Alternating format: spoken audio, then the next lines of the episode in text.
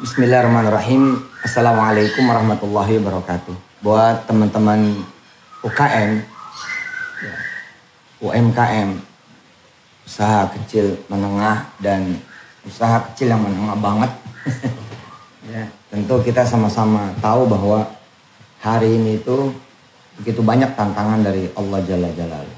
Begitu banyak kemudian uh, ujian iman, ujian kesabaran, ujian tauhid Allah Subhanahu wa taala.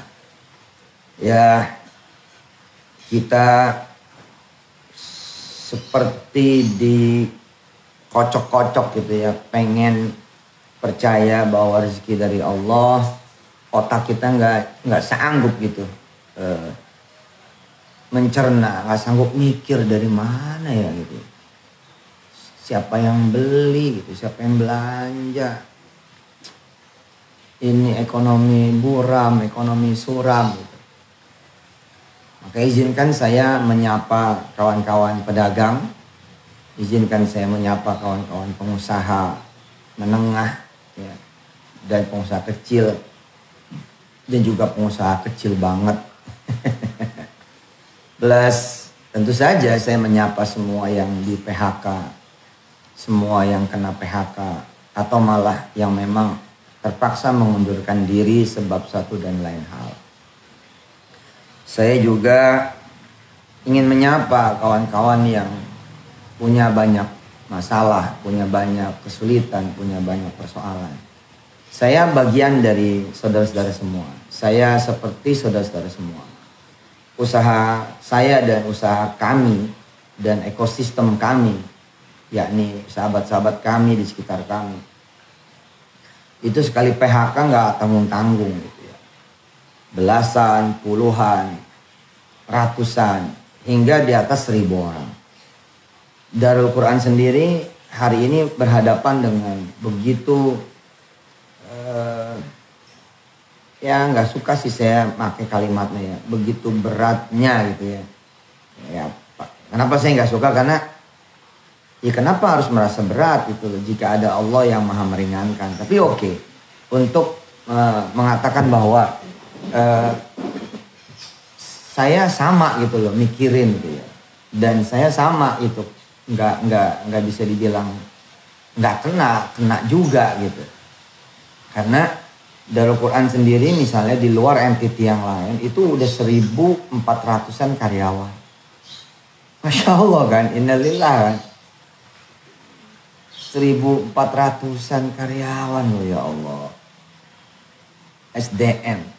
Nah, maka mudah-mudahan eh, cerita demi cerita ini membesarkan hati semua kawan-kawan pengusaha di strata atau di level mana pun, baik itu mikro ataupun sangat mikro, kecil ataupun sangat kecil, warung-warung, lontong, lapak-lapak kecil, online-online kecil yang hidupnya hanya buat makan ya. Atau yang kemudian e, mulai menengah ya. Dan kemudian banyak sekali e, kewajibannya tanggungannya. Belum persoalan misalkan hutang ke perbankan belum cicilan ini cicilan itu.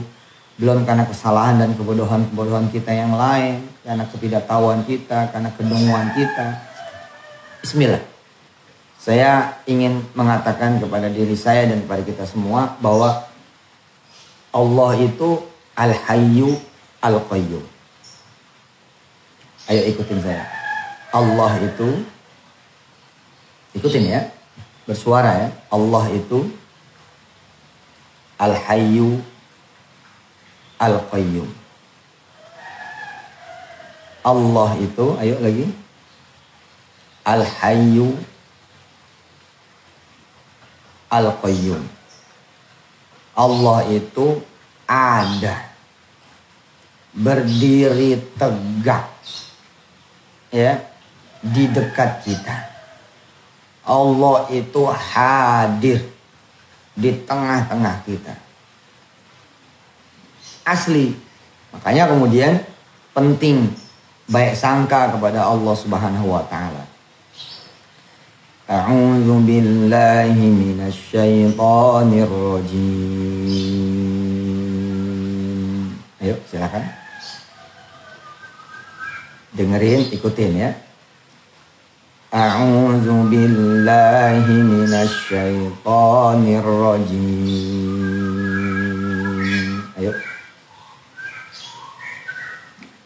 بسم الله الرحمن الرحيم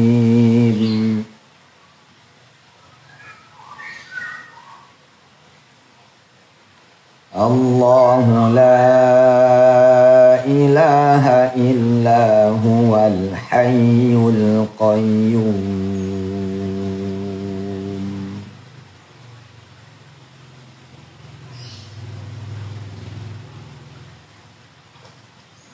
لا تأخذه سنة ولا نوم.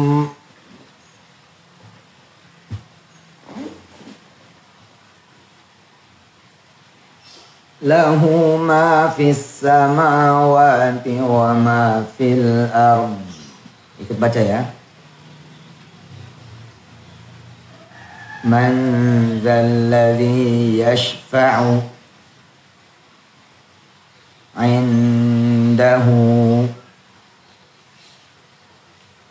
إلا بإذنه.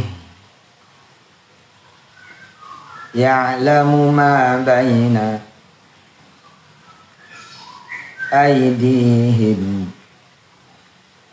وما خلفهم. ولا يحيطون بشيء من علمه. إلا بما شاء.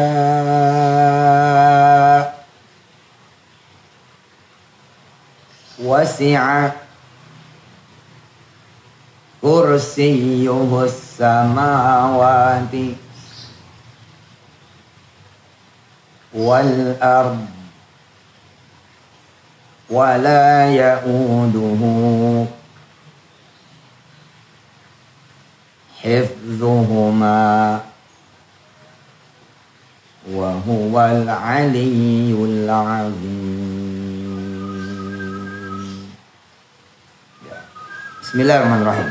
Buat kawan-kawan pengusaha, kawan-kawan pedagang, kawan-kawan para penjual, terutama yang bawa-bawa ya, yang kecil, yang kecil banget, yang mikro-mikro banget. Teman-teman pengusaha level menengah yang benar-benar lagi kelabakan. Ya.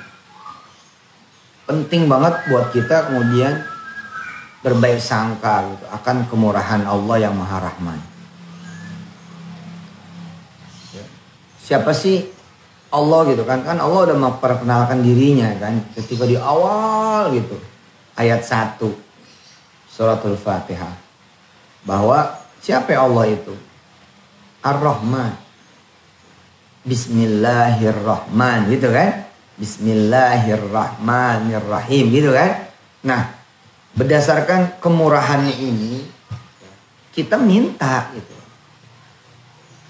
Jadi di samping kemudian kita ngitung barang dagangan kita, kita punya 10 barang dagangan. Kalau kemudian kita jual satunya 10 ribu, insya Allah secara hitungan meja kita dapat ketika kita ngitung lapak, ketika kita ngitung warung, ketika kita ngitung barang jualan, kita dapat 100 ribu. Oke, Bismillahirrahmanirrahim. Kita hitung itu.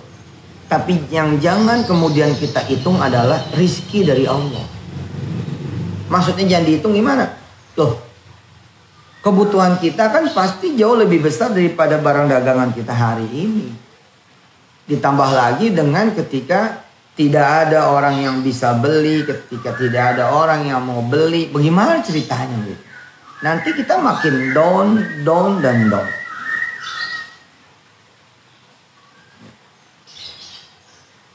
Alangkah baiknya kita mendudukkan ikhtiar kita sebagai ibadah kita. Mau laku kek, nggak laku kek. Pokoknya Allah hanya menyuruh kita berusaha. Allah hanya menyuruh kita berikhtiar. Soal rizki kata Allah ada aku. Nah, ada kisah yang berikut ini yang disandarkan kepada Abdurrahman bin Auf. Wallahu a'lam bisawab. Nanti saya coba akan gali lagi cerita ini. Tapi saya rada nggak peduli benar dan tidaknya kemudian cerita ini yang disandarkan kepada Abdurrahman bin Auf. Saya melihat kebenaran dari cerita ini bahwa cerita ini tuh ya benar adanya gitu. Ya. Cerita ini benar adanya. Dan saya meminta masyarakat ya untuk mendoakan para pengusaha. Pengusaha kecil dan kecil banget, pengusaha mikro mikro banget, pengusaha yang memang pedagang atau penjual yang memang benar-benar kena dampak. Doain, doain, doain, doain, doain. Karena mereka ini sebenarnya tulang punggung negeri ini, tapi nggak dihitung. Saya mengatakan kurang dihitung, nggak dihitung, kurang dihitung, nggak dihitung, kurang dihitung. Kenapa? Karena memang luput gitu. Ya. Restrukturisasi perbankan ya. Boleh dibilang setengah mungkin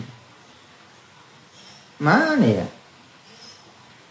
Ya begitu dah gitu susah diomongin ya. Soal pajak juga soal belum lagi keharusan begini keharusan aduh. Udahlah kalau Tuhan kita itu hampir bukannya kita gimana gimana ya kalau Tuhan kita bukan Allah? Wah nggak sanggup otak beneran.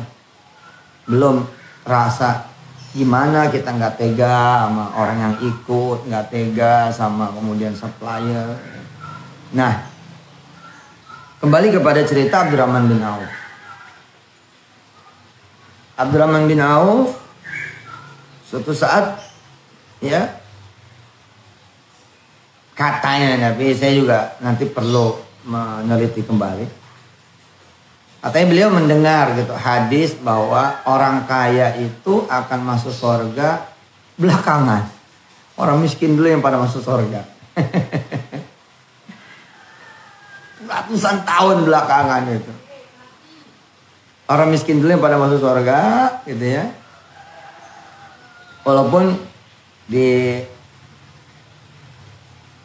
jawaban yang lain ada juga jawaban yang masuk akal juga bahwa kenapa kemudian orang kaya masuk surganya belakangan ketimbang orang miskin? Karena amalnya lagi banyak dihitung. Iya iya iya. Boleh boleh boleh. Iya iya, iya. oke cerita ini kemudian mengatakan kepada kami santri-santri ya bahwa Abdurrahman bin Auf nggak tahu gimana punya cita-cita pengen jadi orang miskin gitu. Pengen gitu, wah enak jadi orang miskin bisa masuk surga duluan gitu. Nah, konon ceritanya Abdurrahman bin Auf kemudian menyedekahkan hartanya dengan cara yang aneh.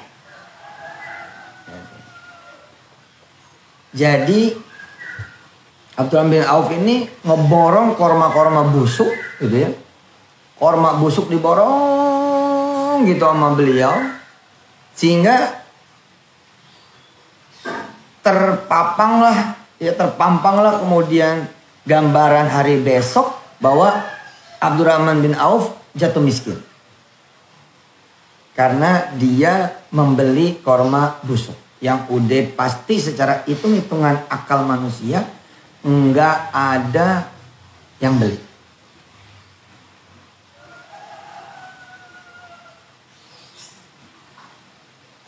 Pedagang-pedagang kecil pada bergembira karena korma-korma busuknya dibeli, gitu ya. Yang tadinya udah disortir bakalan dibuang dan gak jadi duit, ini malah dibeli sama Abdurrahman bin Auf. Ini loh, Masya Allah lah. Allah Akbar. Allah Akbar. Dan Abdurrahman bin, Abdurrahman bin Auf, konon juga menurut kisah yang dikisahkan oleh para guru ketika kami menjadi santri, beliau gembira gitu karena uh, ya habis duitnya gitu. Dia bisa membahagiakan, menggembirakan para pedagang, para pengusaha. Ya. Sementara dia tahu secara akal, otak, pikiran, ya, itu nggak ada yang bakal beli korma busuknya. Di sini nih, saudara-saudara yang dirahmati Allah, kita mesti yakin gitu. Ya. Allah Subhanahu Wa Taala memang punya rencana yang jauh lebih besar daripada kita kita.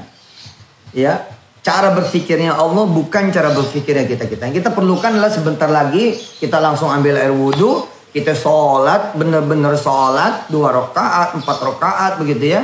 Kalau bisa tambahin, kemudian doa sama Allah ya Allah kami percaya dengan niat baikmu kami percaya dengan rencana baikmu. Kami percaya ya Allah dengan segala kehendakmu. Kami percaya dengan segala keputusanmu ya Allah. Warungku milikmu.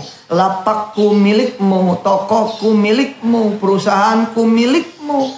Pabrikku milikmu. Kantorku milikmu. Usahaku milikmu. Itu kan? Itu kan yang kita katakan kan? Inna duha'a duha'uka. Wal baha'a baha'uka wal jamala jamaluka wal quwwata quwwatuka wal qudrata qudratuka wal ismata ismatuka Barang dagangan yang kudagangin milikmu. Seluruh pembeli yang aku lagi cari juga adalah milikmu. Duit yang dibawa oleh mereka yang beli adalah milikmu. Kewajiban bayar kepada supplier-supplier yang juga adalah suppliermu. Kita serahkan kepada Allah. In kana rizki fis sama Kalau rizkiku di langit Fa anzilhu turunin. Gitu. Wa in kana fil ardi fa akhrijuhu. Kalau dia di dalam bumi tolong keluarin. Wa in kana ba'idan faqarribhu Kalau dia jauh tolong deketin. Wa in kana qalilan fakathirhu kalau dia kemudian dikit, banyakin, kecil, gede. Wa in kana gitu kan? Haraman fatahirhu. Kalau dia nggak benar, dia rusak, dia jelek, apalagi dia haram, tolong suciin, tolong bersihin.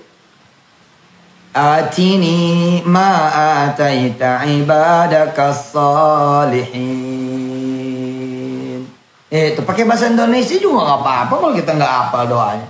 Ya Allah bagaimana ini? Kalau dagangan ini laku juga mesti bayar ke supplier. Aduh, saya lagi butuh. Ya Allah, kalau bisa gini deh, pokoknya laku nggak laku kasih saya duit semiliar gitu aja doanya. Susah amat. Hah?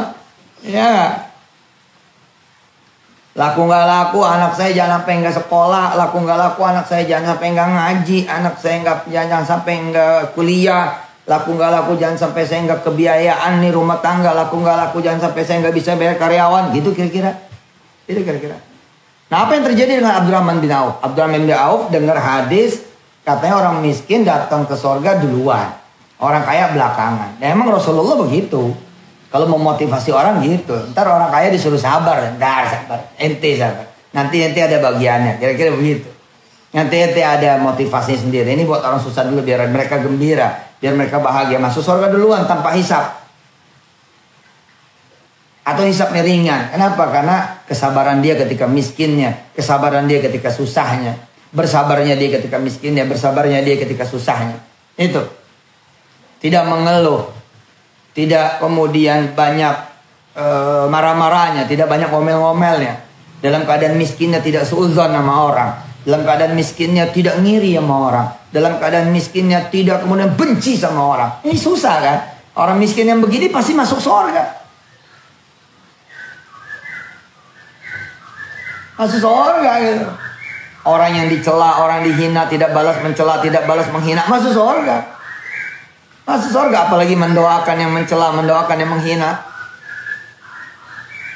Ya udah, Abdurrahman bin Auf dengar orang miskin masuk surga duluan. Oke, tapi Abdurrahman bin Auf pengen masuk surga duluan. Karena itu dihabisin sama dia beli korma-korma busuk dari pedagang-pedagang, dari penjual-penjual, dari pekebun-pekebun. Lalu dia senang gitu, wah senang. Aksik, aku jadi orang miskin, itu kan? Karena korma busuk pasti dibuang deh, gitu nggak akan ada yang beli, gitu. Pedagang-pedagang pada senang, penjual-penjual pada senang, tadinya nggak bakal jadi duit, tadinya kemudian bakal kebuang, tadinya bakal sia-sia. Ya busuk gitu. Tiba-tiba kemudian pada beli, orang bilang, bodoh Abdurrahman bin Auf. Bodoh Abdurrahman bin Auf, bodoh Abdurrahman bin Auf. Gitu. Tapi nggak taunya, Allahumma salli wa sallim barik alaihi wa ali. Nggak taunya apa coba? Ada Raja Yaman yang lagi ngumpulin korma busuk karena katanya dia dengar korma busuk itu jadi obat. Lah korma busuk itu dibeli sama Allah 10 kali lipat.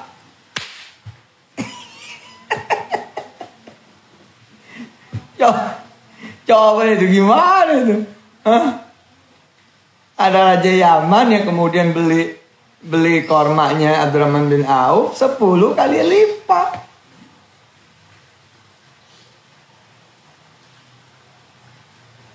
Ya Allah ya Karim ya Arhamar Rahim. Jangan sampai kemudian kita kehilangan kepercayaan bahwa rizki bukan karena corona, itu kan? Rizki bukan karena kita juga nggak ada corona. Mau ada corona, nggak ada corona. Ya Allah Tuhannya corona gitu kan. Allah Tuhannya alam ini, Allah Tuhannya alam semesta.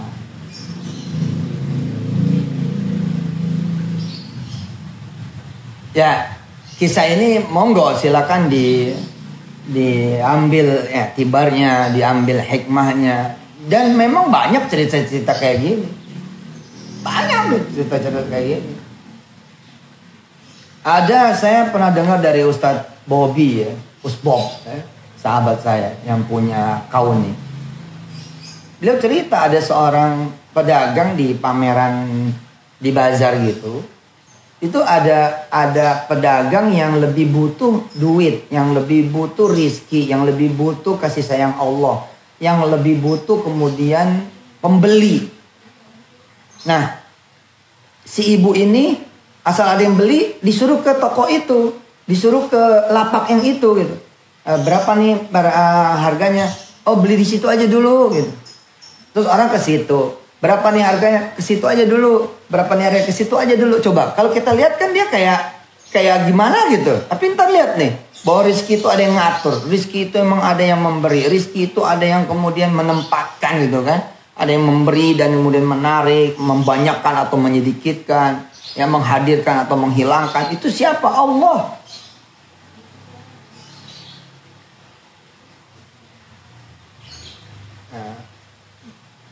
Sampai sore gitu karena dia dia happy aja. Ya nggak apa-apa nggak nggak ada yang beli juga nggak apa-apa gitu. Ustadz Bobby cerita gitu.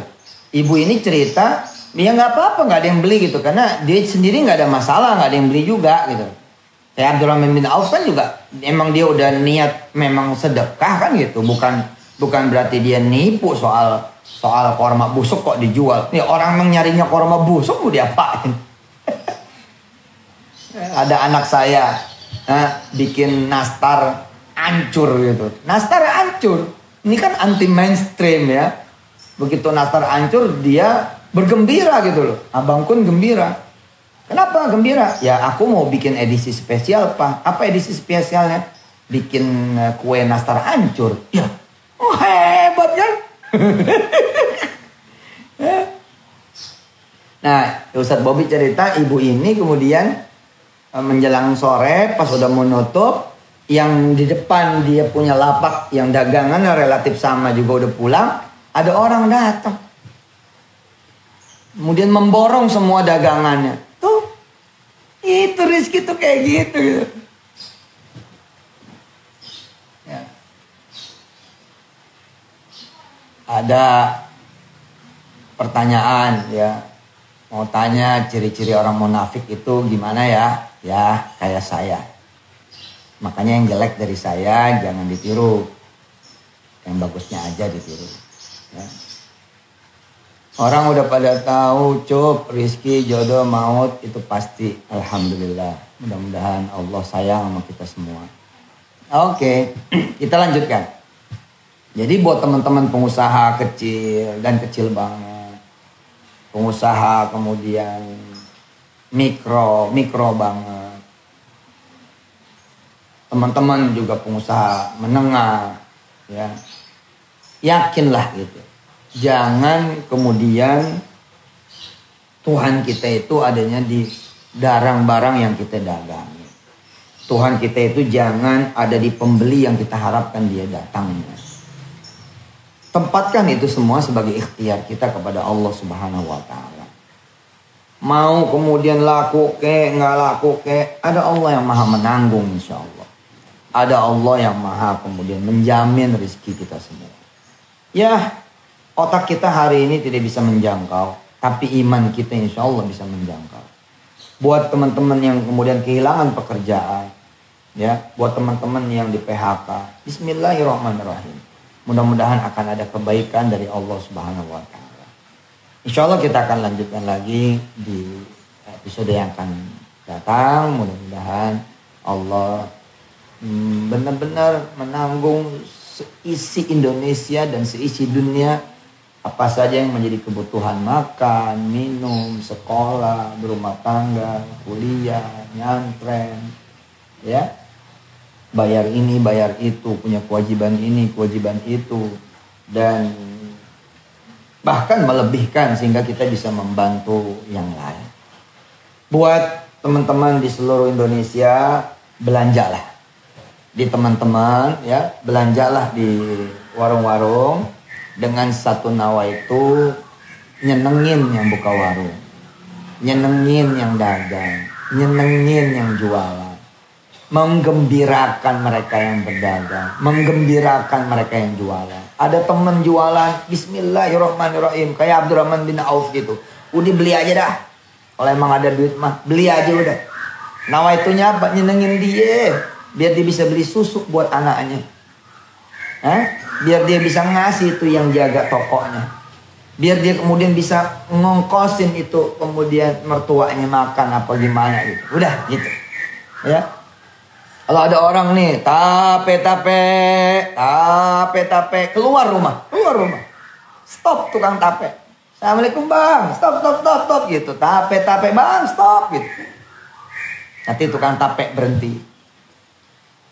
Terus kita nanya sama tukang sa tukang apa tape. Masih banyak bang.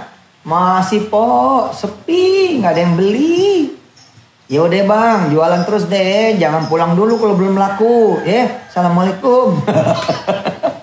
Tukang tapenya bingung. Lah. Ibu nyetop cuma ngomong jangan pulang dulu bagaimana? Ya nggak bakal pulang lah kalau belum laku. Iya bang, saya beli dulu. Ya berapa duit ini? Ya, ibu mau belinya berapa? Ya saya beli nggak banyak bang, lima ribu aja sedapatnya. Wah, itu tukang tape gembira, seneng. Nah kalau ntar tukang tape gembira, yang punya tukang tape lebih gembira lagi. Kalau si tukang tape seneng, yang punya tukang tape ini Allah kan. Dengan segala tapenya, gerobaknya, sepedanya, itu kan dia seneng. Nah kalau Allah yang menciptakan si tukang tape ini dengan semua dar barang dagangannya udah seneng, kita kita. Gitu. Ya, udah wae belanja dah, beli dah, beli beli beli. Dari dari UKM, UMKM beli tuh. Jualan apa sih dia? Jualan frozen lah, bikin-bikin kue tar apa kue apa lah gitu. Udahlah bismillah aja. Temen nih. Temen kemudian uh, masang status WA jual ayam ungkep. Belajar-belajar nih siapa yang mau. Langsung ping aja udah peng. Udah beli aja udah. Tujuannya apa? Nyenengin dia. Gitu Hah? nyenengin dia udah Bismillahirrahmanirrahim ntar kalau yang punya para pedagang yakni Allah kan yang punya para pewarung yakni Allah kan yang punya para pelapak, yakni Allah kan. Lalu sudah bergembira karena kita menggembirakan mereka semua, nanti kita sebagai pembeli juga ikut senang. Eh, nah para pengusaha ya, seberapanya ingin menyenangkan karyawannya, Bismillahirrahmanirrahim. Ya, memang soal kemampuan ini ya, ya, ya begitu dah gitu. Tapi ya, sudahlah. Ada pertanyaan nih Ustadz pengen beli apa pengen beli yang dijual sama orang tapi nggak ada uangnya bagaimana ceritanya gitu ya paling enggak kita kasih semangat nah, misalnya ada orang masang status gue jualan roti nih, gue jualan kue. Kan kita bisa ngomong begini sama dia. Ji, ntar gue beli ya kalau gue ada du kalau gue udah ada duit beres. Ntar gue pesen buat buka puasa hari hari pertama puasa. Nah, gara-gara kita kemudian punya itu baik, nanti kita juga bakal punya duit dari Allah. Itu. Itu. Pokoknya omongan kita kita kita kita perbaiki gitu. Jangan sampai kemudian yang didengar sama Allah keluhan, marah-marah. Ya, lagi zaman begini kita masih miara benci, masih miara dendam, masih miara kemudian ledek meledek. Ditambah dengan keluhan kita, ditambah dengan rasa putus asa, kecewaan kita. Ya Allah ngelihat kita gimana gitu ya kan. Kan dia pengen kita dapat yang terbaik.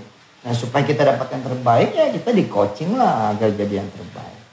Demikian uh, kisah tentang Abdurrahman bin Auf ya menjadi bukti kan gitu ya bahwa uh,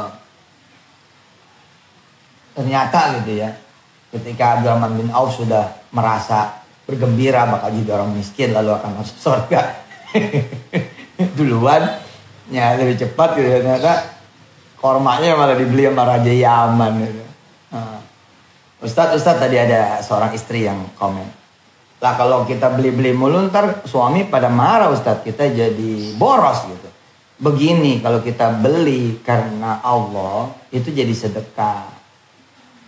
Gitu. Kalau kita belinya karena kita raku, serakah, ya jadi boros gitu. Tapi kalau kita belinya karena kita kasihan, kita pengen nyenengin orang, kita pengen ngegembirain yang dagang. Wah itu mah, itu mah kita beli-beli malah dapat duit kali. Kita beli-beli malah kayak Abdurrahman bin Auf. Karena Abdurrahman bin Auf 10 kali itu dibayar sama Raja Yaman kan.